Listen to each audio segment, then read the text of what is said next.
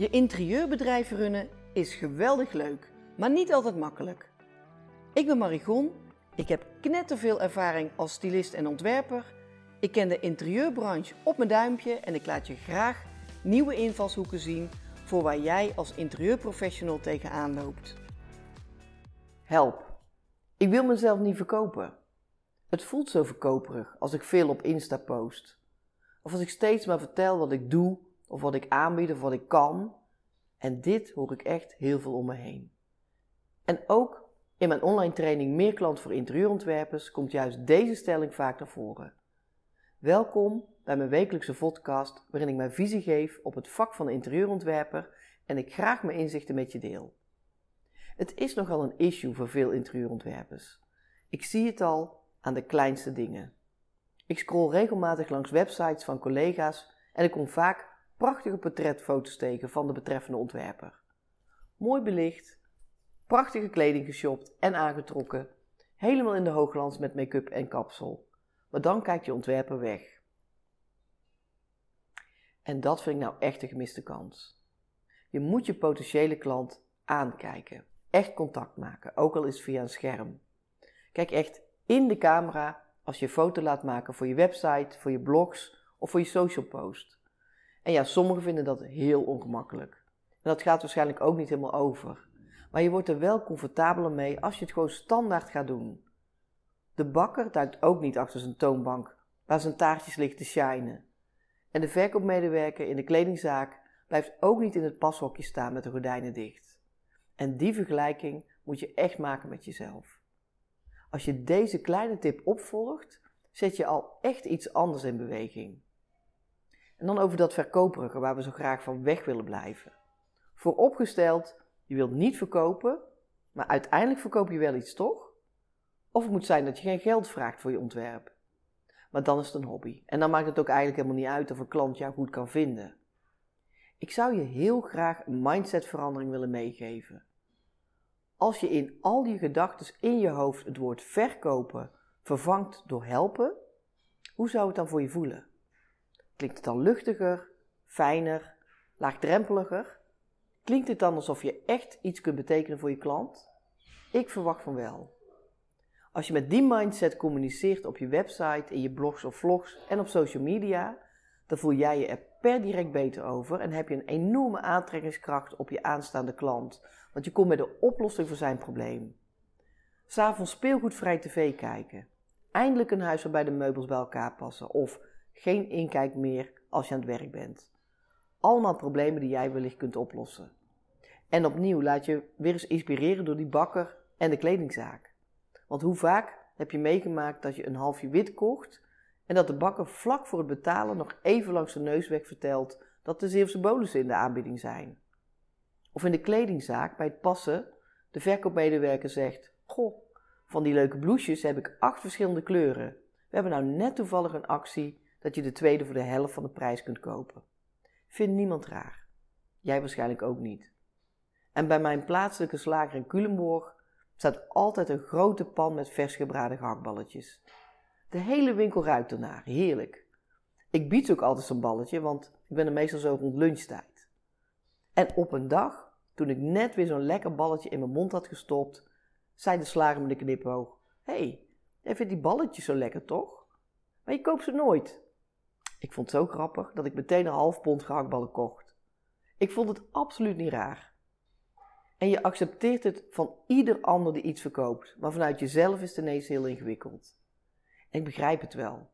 Een service vinden we lastiger te verkopen dan een tastbaar product.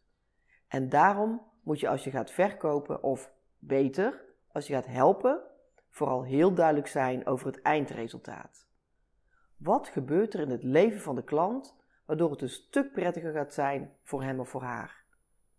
En relaxed tv kunnen kijken zonder dat je op die venijnige Lego-steentjes of dinosaurussen trapt, of ineens een Barbiepopbeen in je rug voelt steken, dat is echt een vooruitgang.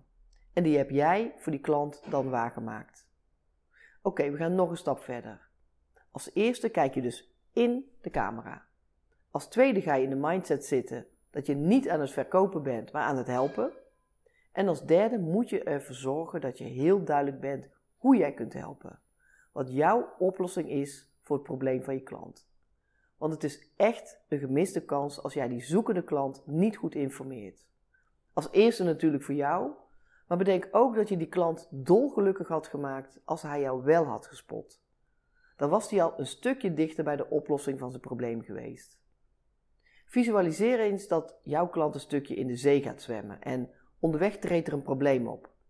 En jij hebt een diploma reddend zwemmen gehaald. En daar ben je ook nog eens een keer heel erg goed in.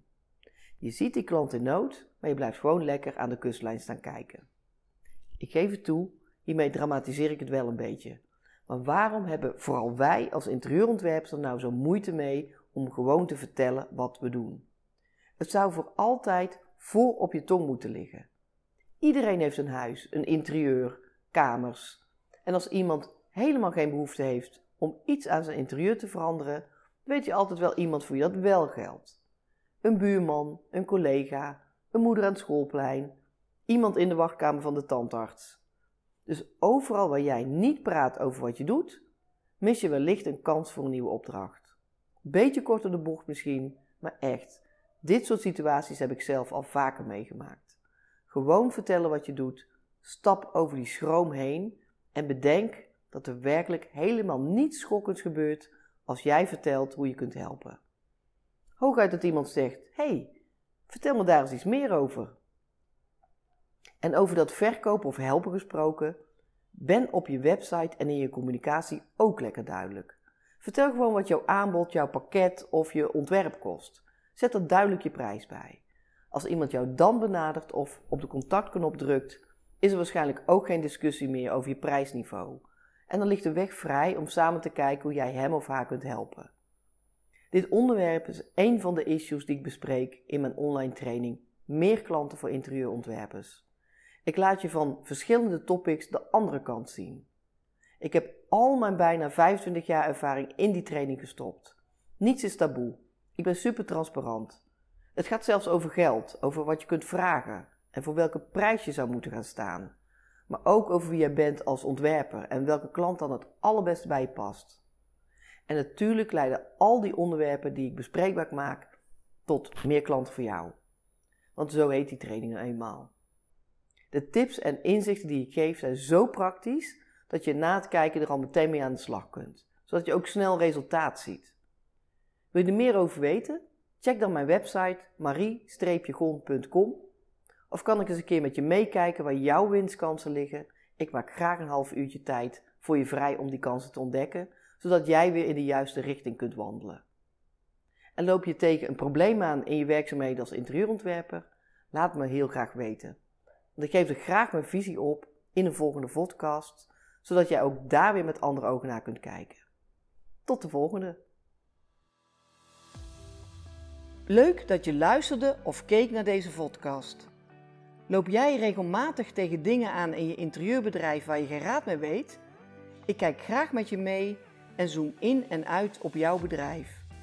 Ik zie razendsnel welke winstkansen er voor jouw interieurbedrijf zijn. Ga naar marie-gon.com, start simpel met het invullen van de vragenlijst op mijn coachingspagina en ik neem heel gauw contact met je op.